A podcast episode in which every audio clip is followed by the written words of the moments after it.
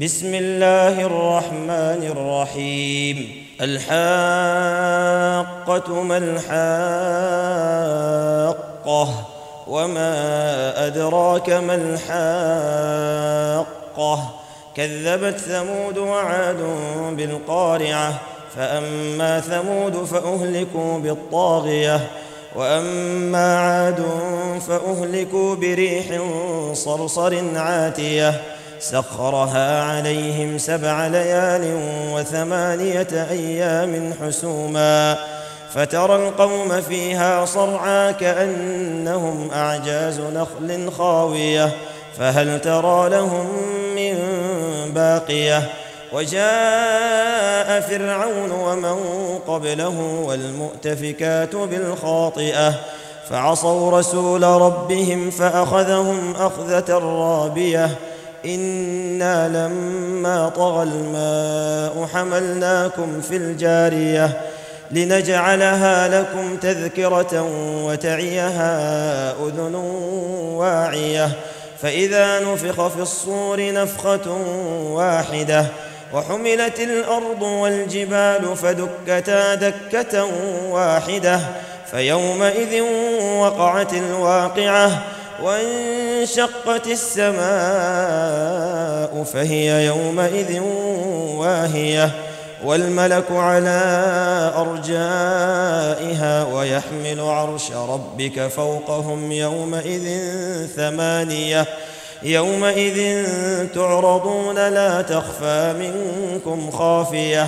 فأما من أوتي كتابه بيمينه فيقول هاؤم اقرءوا كتابيه إني ظننت أني ملاق حسابيه فهو في عيشة راضية في جنة عالية قطوفها دانية كلوا واشربوا هنيئا بما أسلفتم في الأيام الخالية واما من اوتي كتابه بشماله فيقول فيقول يا ليتني لم اوت كتابيه ولم ادر ما حسابيه يا ليتها كانت القاضيه ما اغنى عني ماليه هلك عني سلطانيه خذوه فغلوه